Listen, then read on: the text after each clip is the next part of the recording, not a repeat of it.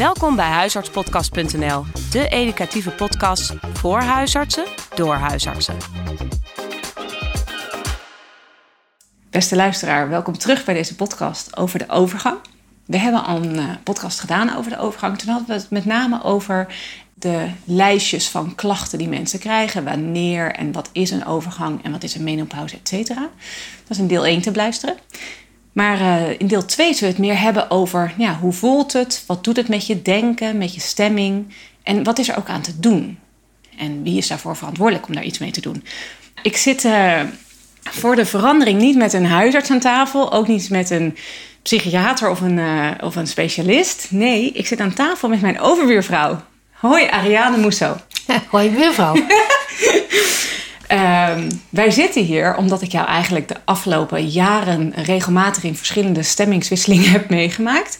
En die stemmingswisselingen die waren eigenlijk, uh, uh, ja, daar lag de, de, overgang aan ten grondslag. Kan ik dat zo zeggen? zeggen? Ja. ja.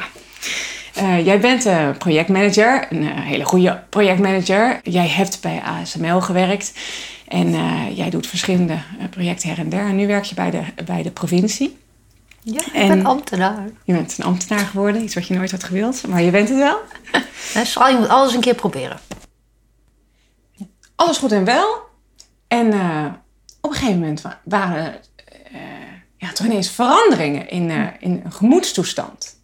Die jij achteraf meer aan de overgang hebt gewijd mm -hmm. dan ook per se soms in dat moment zelf.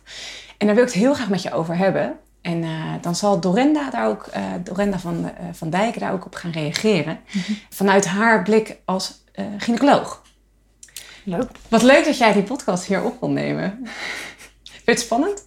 Ja, ik vind het wel spannend. Ja? Ik bedoel, je hebt me natuurlijk meegemaakt in alle, alle staten. Van hysterisch huilend tot weer hyperblij en rustig en weer druk. dus ik vind het wel grappig dat je dat, je dat wil delen. En ik vind het ook wel een beetje eng. Ja, ja Want ja, het is ook wel gênant ergens, een beetje af en toe. Maar het is zo'n taboe dat ik het ook belangrijk vind om het te delen. Ja, eigenlijk vind ik het wel leuk dat je het doet. Ja, maar je zegt toch wel, het is ergens gênant. Ja, de overgang is wel een dingetje waar je het niet over hebt. En mijn hele werkomgeving bestaat toch ja, grotendeels uit, uh, uit mannen die uh, elke opmerking in die richting toch too much information vinden. Dus ik heb mezelf ook aangeleerd om gewoon te zeggen dat ik in de overgang ben en dat ik daar af en toe last van heb.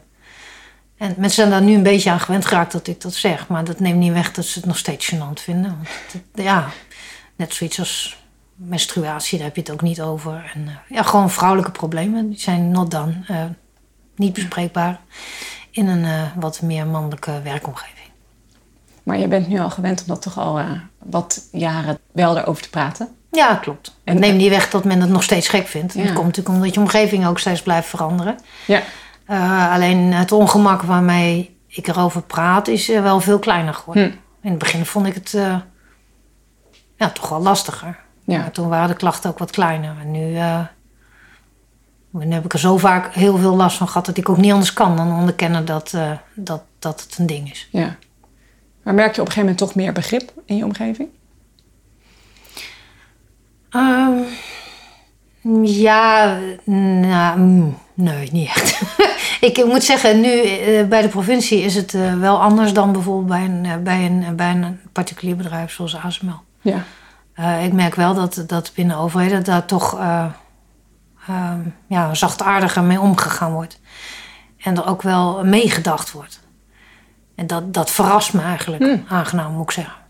En op welke manier is er met je meegedacht? Nou, er, er wordt zelfs uh, uh, gedacht over uh, alternatieve uh, therapeuten. Bijvoorbeeld een, een kinesioloog. Ik kan het nog steeds niet uitspreken, maar om gewoon eens te kijken wat, wat, wat dat kan helpen. Ik heb natuurlijk best wel vaak slaapproblemen. Um, nou, slaapproblemen zorgen dat je moe bent. Doordat je moe bent kun je weer minder goed functioneren. Doordat je minder goed kunt functioneren krijg je weer stress. Stress heeft een enorme impact op, op, nou, op alle effecten. Dus slaap je weer wat minder. Dan kom je in een soort spiraal terecht en daar wil je op een gegeven moment uit. Nou, dan vind ik het heel mooi dat, dat zo'n werkgever dus uh, inderdaad meedenkt en kijkt uh, ook in het alternatieve circuit. Ja, ze denken mee voor een oplossing. Ja, vind ik echt uh, ja. vind ik heel erg mooi. Ja. ja. ja, dus dat helpt. Ja. ja. Even terug naar eh, jouw hormonale wisselingen door je hele leven heen. Ja. Dat begint een beetje bij de puberteit. Eh, zwangerschap, dat is er niet geweest. eh, of postnataal. Anticonceptie misschien wel. Zijn er dingen van die eh, puberteit of van die gewoon de pil waar je ook last van hebt gehad? Of is dat, heeft dat nooit gespeeld? Nou, ik heb eigenlijk menstruatie heb ik nooit zoveel last gehad. Ik heb wel dat ik één keer per maand zo een dag had dat ik wat zagrijniger was. Nou, ik heb heel lang een vriend gehad die op de een of andere manier dan de goede toon wist te raken. En door te zeggen van volgens mij is het die dag. En dan was het voor mij over. Puberteit heb ik zelf niet zo'n last van gehad. Maar volgens mijn zus heb ik mijn moeder voor alle vormen van rotte vis uitgescholden. Dus ik vermoed dat ik daar wel heel veel last van heb gehad. Jouw moeder dan? Ja. Ja, nou, ik dus ook, maar dat ik het eh, niet Ja. zo ervaren heb als dat het mijn probleem was. Ik had meer het gevoel dat het aan haar lag. Maar ik moet zeggen, ik heb nooit zo'n last gehad van menstruatie. eh, van, eh, ik- mijn zus bijvoorbeeld, die heeft een enorme pijn in de buik. Moet een dag thuis blijven. Voor mij is dat allemaal redelijk soepel eh, gegaan. Hm. Dus nee. Was dan dit ding het eerste dat je echt ineens geconfronteerd wordt met je hormonale eh, bedoeling? Ja, ik heb eigenlijk nooit het besef gehad dat ik iets had wat op hormonen leek. Nee, nee, nee. Nee. Dat duurde ook wel een tijdje voordat ik me realiseerde dat het zoiets moest zijn. Ja, ja, ja. Hoe lang duurde dat? Nou, dat, dat weet ik niet zeker, hè, want het is een soort geleidend Hmm. ding. Ja. En sowieso omdat ik ehm, eh, mijn leven aan het ver- veranderen was. Ik, ehm, ja, moet ik zeggen, ik ben behoorlijk mateloos van aard, zullen we maar zeggen. Eh, ik werkte ehm, op dat moment bij ASML werkte ik echt heel erg hard. Ik ben toen gestopt met roken en werd toen een stuk dikker. Dat vond ik natuurlijk niet leuk. En ik heb eigenlijk mijn hele leven omgegooid en voor een marathon gaan trainen. En tegelijkertijd gaan afbouwen bij, eh, bij ASML. Eh, dat betekent dat er dus best wel veel dingen tegelijk veranderden. Ehm, na een tijd begon ik, ik, ik weet niet, ehm, een beetje neerslachtig te worden. En ik heb dat ook wel geweten aan het feit dat ik thuis zat. Wat ik bewust deed, omdat ik veel wilde trainen. Ehm, maar het werd steeds erger. En eh, ik heb, op een gegeven moment kreeg ik momenten dat ik gewoon echt in de hoek zat en enorm moest huilen. En dat ik, als ik dingen moest doen, dat ik, dat ik het gevoel had dat ik bedolven werd. Alsof werk een soort bord spaghetti was die over je uitgestort werd, zeg maar. Dat je erin stikte. Ja, ja, ja, ja. Terwijl ik juist iemand ben die onvoorstelbaar veel werk tegelijk altijd gedaan heeft. Heb. En ehm, dat vond ik normaal en vond ik leuk. En weet je, dan ik zoiets ja, de kruiwagen was vol, die was overvol en af en toe viel er wat vanaf. En vond ik prachtig, geen probleem. En opeens vond ik dat niet meer prachtig, het verstikte me. En eh, ik werd bang en angstig. En ik op een gegeven moment heb ik de huisarts opgebeld, huilend. Ik zei van, ja, het gaat niet goed met me, ik moet iets. En eh, toen had ik wel zoiets van, dat moet wel de overgang zijn. Want ik was echt mezelf kwijt. Het is heel raar dat je dan naar jezelf kijkt, ja, wat is er nou aan de hand? Er is namelijk niks aan de hand, hè? Er verandert niks eigenlijk voor Nee. je gevoel. En Nee. toch is, is alles anders. Ja. En, en, eh, maar je kunt, het niet, je kunt niet de vinger erop leggen. Want eh, je ziet jezelf en, en je snapt eigenlijk niet wat je ziet. Is er nou een, een moment geweest dat je echt dacht, ja, je beschreef het al, jezelf in een hoekje van, de- van, de, van de kamer. En, maar is er nou ook een moment geweest dat je iets aan het doen was dat je, dat je ook echt besefte, nou, dit is echt, dit ben ik niet. Ja, ik, ik heb op een gegeven moment een. ehm, zou ik naar een trainingskamp gaan. Ik, ik was aan het trainen voor een, eh, voor een, eh, een eh, triathlon. En ehm, ik zou naar Spanje gaan voor een trainingskamp. En dan moest ik mijn, mijn fiets meenemen. En, en die fiets die moest dan mee in het vliegtuig. Nou ja, niet echt heel ingewikkeld zou je zeggen. Ik moest die fiets inpakken. Dus ik had een speciale fietstas geleend van iemand. Ik ben twee dagen bezig geweest om die fiets in te pakken. En ik heb gewoon bijna de hele tijd gehuild van paniek. Omdat ik niet wist hoe ik die fiets moest inpakken. Ja, ik heb echt serieus naar mezelf zitten kijken. Sterker nog, ik heb het zelfs gefilmd. Ja. Ja. ik heb een soort vlogje gemaakt van mezelf. Terwijl ik daar zat te huilen. Van totale paniek. Omdat ik niet wist hoe ik dat moest doen. Je, je, zit te kijken, je ziet gewoon iemand anders. Maar je zou kunnen zeggen dat het ook best lastig... Ik, ik moest zeggen, toen ik naar die klus keek, want ik, ik was er toen ook even bij geweest. eh, het was ook lastig. Het was een klein pakketje en er moest een hele fiets in. En er moest ook nog allemaal ehm, eh, precies erin passen en niet beschadigen, et cetera. Eh, maar nou heb ik jou in heel veel projecten gezien dat ik dacht... wow, hoe kan je dit aan? Hoe kan je dit doen? Want je pakt wel grote projecten aan. Ehm, maar op de een of andere manier was deze fiets... dat kon je ineens niet aan. Ja, ik weet niet hoe dat kan. Want normaal heb ik zoiets van: wat is het aller, aller, allerergste wat me kan gebeuren? En dan kijk ik daarna en denk ik: nou, ook dat is niet erg. Ik bedoel, ik ben nu een aanrecht aan het eh, gieten voor mijn, uh, voor mijn keuken. Ja, wat is het allerergste wat daaraan fout kan gaan? Nou, dat dat aanrecht dus niet past. En uh, dat ik dus een aanhanger moet regelen om dat hele ding naar de stort te brengen. En dan denk ik, oké, hoe erg is dat? Nou, dat kost een paar honderd euro, doen we het opnieuw. Weet je, met die fiets, dat is van dezelfde orde. Ik bedoel, stel nou dat ik die fiets niet goed had ingepakt. En die fiets was kapot gegaan in het vliegtuig. Wat was daar nou de drama van geweest? Ik bedoel, echt. Dat rechtvaardigt al dat gehuil en die paniek niet. Nee, en daar kijk je nu zo naar. Maar op dat moment was het gewoon een soort van onmogelijk. het, ik kon onmogelijk relativeren. Elke vorm van relativering was onmogelijk. Uh, van een afstandje wel. Alleen, ik was niet degene naar wie ik keek. Het is, je bent echt... De opmerking van veel mensen over de overgang... is dat je jezelf kwijtraakt. Dat is echt zo, zo waar. Zo verschrikkelijk waar.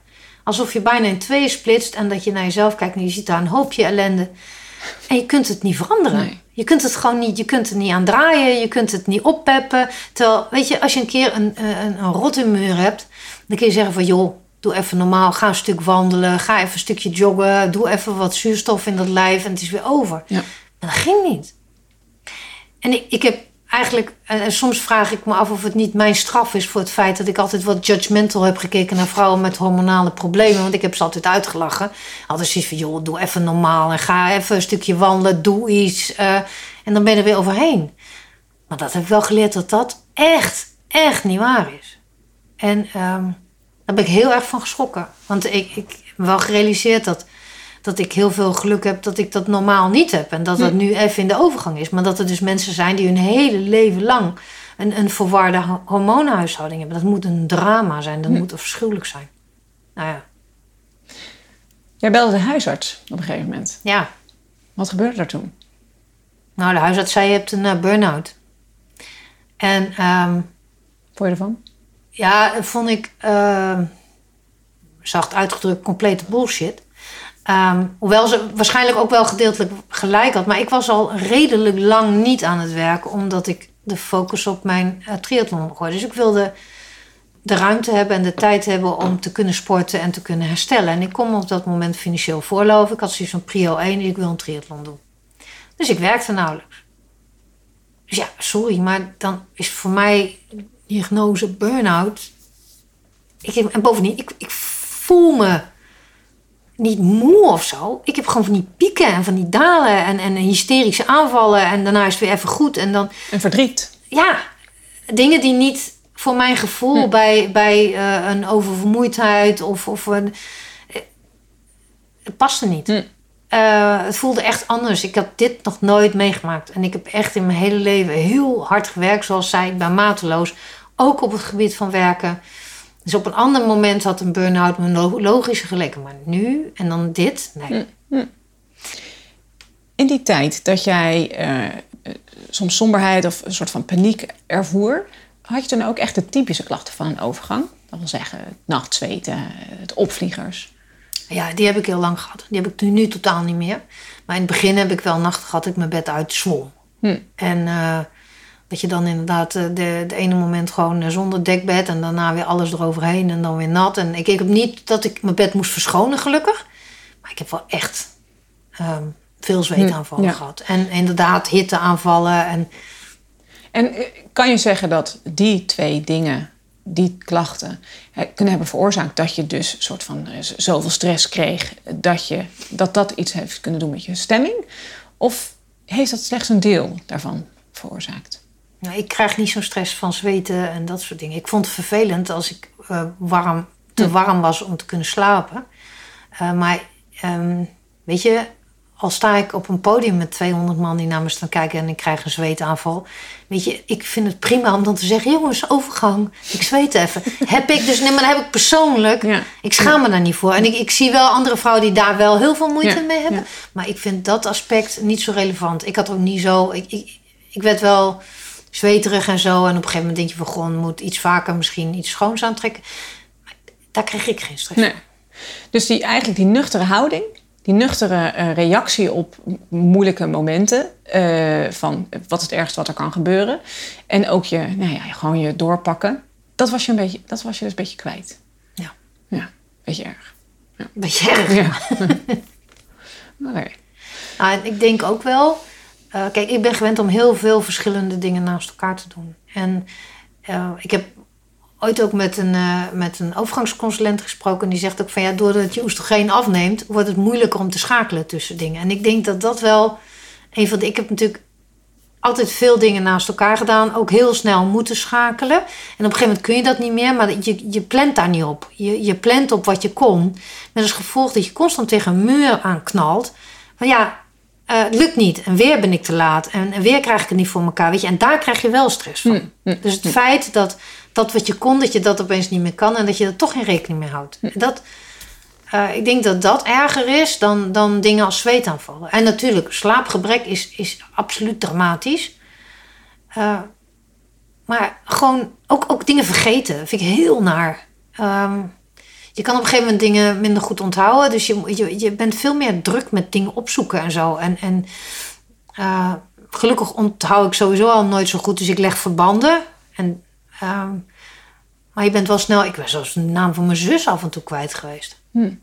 En daar krijg je echt stress Ja, van. Dat je ja. denkt van, eh, weet ik veel, eh, hoor ik, krijg ik... Ja. ja, dat is een veelgehoorde klacht natuurlijk ook. Dat is heel eng. Ja, ja.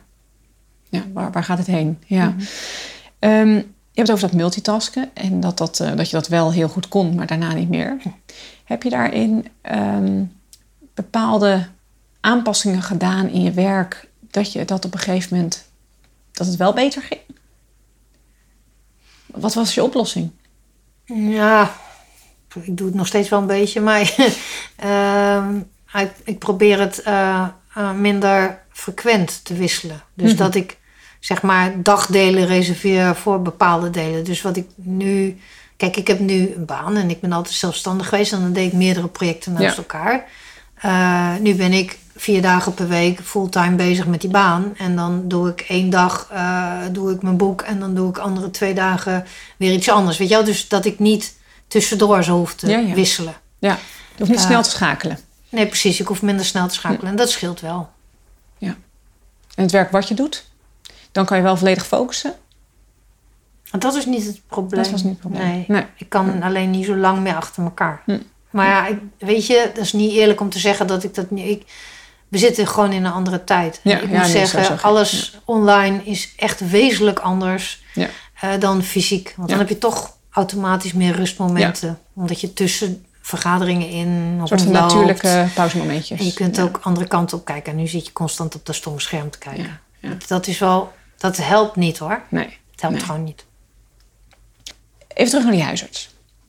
Een burn-out had ze gezegd. Hoe is dat toen verder gegaan? Nou, ik had daar niet zo'n eh, geloof in. Eh, ik ben eh, naar een overgangsconsulent gegaan en heb met haar besproken wat ik voor klachten had en in hoeverre dat een overgang kon zijn of dat het door de overgang kon komen. En ehm, die, die bevestigde dat dat waarschijnlijk het geval was. En ik had al wel vaker gezien dat vrouwen met overgang vaak, of in de overgang vaak ja, beschuldigd worden van een burn-out, omdat de symptomen blijkbaar vergelijkbaar zijn. En zij adviseerde me om de huisarts te vragen om mij eh, een hormoonbehandeling eh, voor te schrijven. Dus ik ben terug naar de huisarts gegaan. Gaf ze die zo mee? Ik moest een klein beetje aandringen. Eh, kijk, ik ben projectmanager, dus ik had natuurlijk een plan B. plan B was een verwijzing naar een gynaecoloog vragen. En dan had ik ook een naam van een gynaecoloog van de overgangsconsulenten gekregen. eh, die dat dan wel zou doen. Ja. En, eh, Maar ik begrijp wel dat ze een beetje moeilijk deed. Want, nou ja, goed, kijk, mijn probleem is natuurlijk dat ik erfelijk waarschijnlijk belast ben met eh, borstkanker. Ja. Mijn moeder is overleden aan borstkanker. En een van de dingen die uh, gezegd wordt bij hormoonbehandeling is dat dat mogelijkerwijs borstkanker zou kunnen stimuleren. Ja, zelf eh, vond ik dat een beetje raar, want ik heb vanaf mijn zestiende de pil geslikt. En dat is toch een stukje een dosering heftiger dan Ja. dit. Ja. En dan denk ik, Oké, okay, dus ik kan nu wel anticonceptiepillen slikken, maar niet dit wat een lagere dosering is. Dat komt op mij niet logisch over. Maar goed, Die ik ben vraag geen... gaan we eens even zo straks aan de Dorenda uh, van Dijken voorleggen. Oké. Okay. Ja, ja, die spelen we door. Goed. Want ja, dat is even mijn gevoel. Hè. Ik had zoiets van, dan ga ik wel anticonceptie als dat hetzelfde effect is. Terwijl een hoge dosering. Maar goed. Maar uiteindelijk, zij gaf dus mee. Uiteindelijk gaf ze het mee. Ja. Uh, wel met het voorbehoud dat het maar voor drie maanden zou zijn. En eh, ik had zoiets, ja, prima. Ehm, Eerst dit en dan eh, weer verder kijken. en dan zien we wel Ja. weer verder. Nou, ik moet zeggen, ik eh, ben die pillen gaan slikken. En na twee weken, denk ik, een week, ik weet niet eens hoe lang... er ging er een soort gordijn in mijn hoofd open. Werkelijk, je weet niet wat je meemaakt. Ik weet, ik weet niet of je het kent, dat gevoel dat als je wakker wordt... en het is opeens lente, je raam gaat open en vogeltjes fluiten en zo... dat je denkt van, jee, de wereld is veranderd. Dat gevoel in je hoofd. Ja. En ik, ik, het stomme is, die, die, die, die, die zwaarte in je hoofd, dat, dat grijze eh, gebeuren, dat, dat, dat is iets wat geleidelijk eh, ontstaat. Eh, dus je hebt niet door dat je langzaam wegrijdt, maar je hebt wel door als het opeens weg is. Ja. En Pas boem ineens. Dus ja, echt. Ja. Maar echt, ja, ik kan niet anders omschrijven dan dat er een gordijn in mijn hoofd open ging en dat opeens het licht aanging. En dat ik opeens iets van, oh ja, dat was het. Ja. Zo voelde ik me. Dat was licht leven. Heerlijk. Ja, Ja. ja. Dacht je nog meteen, dat zijn die pillen? Ja, dat wist ik echt zeker. Ja, ja. Want er was niks anders Ja. wezenlijk veranderd. Nee. Ja. Ehm, dat moment, ik denk dat heel veel vrouwen dat wel herkennen. Dat moment van opklaren. Ik heb het zelf heel erg ervaren. Op het moment dat ik zwanger was, met vijf weken of zo, bam, er was ineens wel, eh, zonder geleidelijk aan die grijze deken. Mhm. Op het moment dat ik gestopt was met borstvoeding, nou, weet ik veel, een paar dagen later of zo, eh, dan Geen is het inderdaad. aan. Ja, ja, dat moment en dat laat je wel realiseren. eh, Het ligt aan de hormonen. Ja. Dus ja, dat goed, is, hormonen, dat ben jij hè. En dus dat is echt de vraag, ja. hoe, hoe kun je... Dus ik heb van alles geprobeerd ook hoor. Wil je moet voeding, weet ik veel. En, Ja, dat heb je allemaal geprobeerd, hè? Voor die hormonen al. Ja, maar ik was natuurlijk al gezonder aan het leven. Ja. En, ehm, Ja. ja, je bent je erin aan het verdiepen hoe je, hoe je jezelf eh, gezonder kan maken. Hm. Maar ja, het, het, het had onvoldoende impact op Hm. dat moment. Ja. Ja, is niet genoeg. En toen was je aan de, aan de pillen en... eh, Ja, nou, dat ging allemaal prima. Verder niks aan de hand en zo. En op een gegeven moment ben ik op vakantie geweest. En ehm, nou ja, goed, dan ga ik zoals gewoonlijk in mijn eentje op vakantie met mijn rugzak naar een of ander eh, land. Deze keer Madagaskar. En dan werd ik na een week eh, werd ik beroofd. Eh, nou, en not, not a big deal. Nou ja, misschien voor anderen wel, maar ik vond het eigenlijk wel een soort spannende affaire. Alleen wat daar eh, gebeurde is dat ze ook mijn pillen hadden gejat. Dus ja, nou ja. Eh, dan maar zonder hormonen door het leven. En toen kwam ik terug in Nederland. want dat dacht je toen, nuchter. eh, Ja. eh, Ik had geen geld, ik had geen paspoort en ik had geen telefoon meer. Maar ik had ook geen hormoonpillen meer. Nou ja, weet je, die hormoonpillen miste ik even op dat moment het minst. dus de rest werd opgelost. Toen kwam ik thuis en toen dacht ik van... Goh, ik ga eens even de huisarts bellen. Ik zeg, eh, beste huisarts, ik heb nu al drie weken die pillen niet meer gehad. Is het misschien een idee dat we nu even gaan uitproberen hoe dat gaat zonder? Want we moesten toch een keer stoppen. En dat was niet precies het moment, maar waarom niet toen? En dat was eh, ongeveer, ik denk een jaar of zo nadat ik ze slikte. Ik weet het niet eens precies. Dus ik ben ermee gestopt. En dat ging eigenlijk prima. Dacht ik. En, eh, nou ja, goed, jij zult het wel ik, gemerkt vond, hebben. ik vond van niet. Nee, in het begin ging het best. En eh, gaandeweg werd ik dus weer eh, labieler. En, maar je hebt het zelf niet eens helemaal door. Ik denk dat de omgeving het eerder door heeft dan dat je het zelf door hebt. En nou goed, dat momentje met die fiets. Dat Ja. was, eh, dat was zeg maar het moment waarop ik besloot dat ik echt weer terug aan de pillen moest. Ja, ja, ja. En, eh, en to- toen ben ik naar de huisarts gegaan en ik zei, ah, ah, dit gaat niet zonder. Nee. Maar het gekke is, je hebt het dus niet meteen door. Het is dus echt geleidelijk. En wat jij hebt over eh, zwanger worden en in één klap die wolk voelen. Nee, ik, dat was niet. Nee. Het is gewoon een soort glijdende schaal en langzaam. Ja. En ik had natuurlijk weinig stress. Want Ja. Ik was nog steeds in die periode dat ik voornamelijk sporten. Wel een beetje werkte, maar niet hard. eh, want dat was niet nodig. Ik wilde vooral veel herstellen van het trainen. En ehm, ja, dus ik ben weer gaan slikken. En nu slik ik nog steeds. Ja. Ik zou nog graag van jou willen horen. Wat zijn nou de niet-medicamenteuze dingen die je hebt gedaan? Dus alles buiten de Femoston, dat heeft je geholpen. Mhm. Of in ieder geval hormonen. Eh, maar wat, wat daarnaast? We hebben het ook al over bepaalde multitasken dingen gehad. En, Ja. Maar vertel daar eens over. Ja, het allerbelangrijkste is natuurlijk gewoon proberen stress te vermijden. Dat gaat gewoon niet altijd. Dus eh, weet je, dat is een leuke. Dat gaat natuurlijk niet als je gewoon een beetje zware baan hebt. Dan, uh, ja, dan stress zit er gewoon in. Um, dus slaap. Slaap zorgt ervoor dat je inderdaad echt beter tegen stress kunt. Ik denk dat sporten echt helpt. Bewegen, naar buiten. echt heel erg belangrijk. Um, ja, en wat, wat, wat mij ook wel helpt is uh, toch yoga, weet je, mediteren. Af en toe even echt een moment voor jezelf. Um, ja, het, het, lost het niet op, maar het maakt het ja, een soort van makkelijker of zo. Eten heb ik van alles mee geprobeerd. Ik eet best wel heel erg gezond. Valt altijd iets aan te verbeteren natuurlijk. Nou ja, goed, en dan komt het puntje alcohol. Ik vind een wijntje echt echt heel erg lekker. Maar er zijn echt momenten als het niet goed gaat, moet ik gewoon geen wijntje nemen. Want het heeft echt zo'n impact op je lijf. Het heeft zo'n impact op je slaap. Uh, dan kun je beter gewoon een hele pot kamillethee nemen. En je wordt er koolsmisselijk van op een gegeven moment. Maar echt, niet drinken helpt echt eigenlijk wel heel erg goed. ik vind het verschrikkelijk om te moeten zeggen, maar het is zo. Het gaat nu dus weer beter, hè? want we zitten nu aan een wijntje. Ja, we zitten nu aan een wijntje. Ik durf het nu ook gewoon aan. Het grappige is, ik hou dus ook bij. En dat helpt ook wel. Want weet je, je geheugen is natuurlijk nooit goed. Hè? Iedereen heeft een ander beeld van de werkelijkheid. En dat heb je zelf ook. Maar bijhouden in een soort dagboekje welke dingen je goed doen en niet. Want ik ben er ook wel van overtuigd dat het bij iedereen anders is. En uh, kijk, doordat ik met die triathlon bezig was, hield ik op een gegeven moment bij hoeveel uur ik sliep uh, daar had ik natuurlijk ook gewoon een, een horloge voor. Uh, maar ik hield ook bij wanneer ik een wijntje nam en wanneer ik goed sliep en wanneer ik slecht sliep. En op een gegeven moment zie je de relatie gewoon één op één. Hmm. Uh, als je een beetje bijhoudt wat je eet, welke dingen je goed doen, welke dingen je niet goed doen. Het, het is ook wel een puzzel. En het, het, is best een interessante puzzel, want je leert je lijf kennen. En um, ik ben nooit zo goed geweest voor mijn lijf. En um, dat ben ik de laatste tijd weer veel beter geworden. Uh, ik denk dat dat essentieel is. Een beetje laat misschien om daar nu aan te denken. Maar goed, ik denk, ik ben nog niet dood. Dus het, het heeft nog impact, hè. Uh, en dan zeggen ze, ja, luister naar je lijf. Ja, ik vind het dan prachtig, maar ik, ik weet niet hoe dat moet, hè. Dus ik heb daar allerlei hulpmiddeltjes voor. Zoals inderdaad een polar die dan weer zegt wat ik wel en niet moet doen. Uh, maar je leert wel luisteren. Een polar? Polar, dat is mijn, uh, mijn, uh, mijn smart, weet ik veel, oh, ja. sporthorloge. Um, maar ik, ik, denk gewoon dat het heel belangrijk is om te leren luisteren. En, en zeker als je mateloos bent zoals ik. En zeker als je dus eigenlijk een beetje bekwijt bent. Ja. Dat je oude systeem niet meer werkt.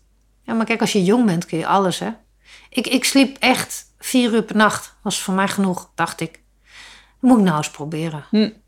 Ik heb op een gegeven moment mezelf aangeleerd. En dat was natuurlijk in de training na de triathlon. Dan moest ik herstellen van, van een paar uur training per dag. Um, moest ik slapen acht uur. Dat had ik nog nooit gedaan. Acht uur slapen, dat was voor mij zoiets van... ja, dat, dat doe je tijdens de vakantie als je je dood verveelt of zo, weet je. Maar, maar, en dat doe ik nu eigenlijk... probeer ik elke... Nou, ik lig in ieder geval acht uur in bed... en soms lig ik wakker en soms slaap ik. Maar dat, dat zijn dingen die je moet leren. Vier uur slaap is niet genoeg. Je moet dus ook accepteren dat bepaalde dingen niet meer kunnen zoals ze gingen. Ja, dat vind ik lastig. Maar ja, anders kom je jezelf tegen. Ja. Ja, en dat is misschien ook wel. Kijk, ik, ik ben een typisch geval van een grote midlife crisis. Ik wil niet ouder worden. Hè. Ik bedoel, vind ik echt heel naar. Ik vind het nog steeds naar hoor. En, en ja, waarschijnlijk is dit proces ook gewoon om mij gewoon een grote klap op mijn hoofd te geven. Van meisje, je bent niet meer 30. Je bent nu echt heel erg naar boven de 50. Tweede helft 50 zo langzamerhand. En uh, dat is balen. Maar ja, het alternatief is een stuk erger. Hè?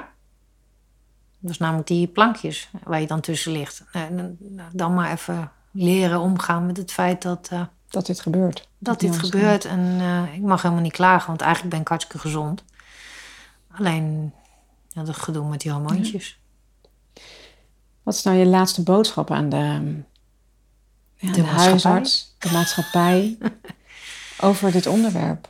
Nou, ik, ik vind wel dat het een onderschoven kindje is. Ik vind echt dat het uit de taboesfeer moet, dat er meer aandacht voor mag zijn. Um, en de overgang is een, is een, is een uh, heel impactvolle uh, periode voor vrouwen. Sommige vrouwen gaan er fluitend doorheen, andere niet. Daar mag meer aandacht voor zijn. En, en daarom vind ik het ook belangrijk om hier aan mee te doen. Kijk, en wat je ziet is dat natuurlijk, omdat vrouwen later kinderen krijgen, zie je dat vrouwen die in de overgang zitten, nu meestal hun kinderen hebben die in de puberteit zitten. Er is niks dramatischers dan in de overgang zitten terwijl je pubers als kinderen hebt. En ik, wat dat betreft ben ik heel dankbaar dat ik geen kinderen heb. Want ik weet niet wie van de twee dat overleeft. Want als ik mezelf in de pubervorm in een huis had moeten hebben. Nou, ik weet niet. dat was niet goed geweest. Hey Ariaan, onwijs bedankt Dank je, Buf. voor je openheid over eh, dit hele onderwerp. Nou, ik vind het fijn dat er aandacht aan gegeven wordt. Niet voor mij, maar wel voor, ja, voor iedereen. Ik denk dat het belangrijk is. We gaan naar Dorenda van Dijken, die is, eh, gaat, eh, dit is gaat beschouwen en ook ja, in gaat haken met de tips en tricks. Doe je? hè? Doei. Bedankt voor het luisteren. Bekijk ook onze website op huisartspodcast.nl. Voor vragen of suggesties kun je mailen naar huisartspodcast.gmail.com. Tot de volgende keer.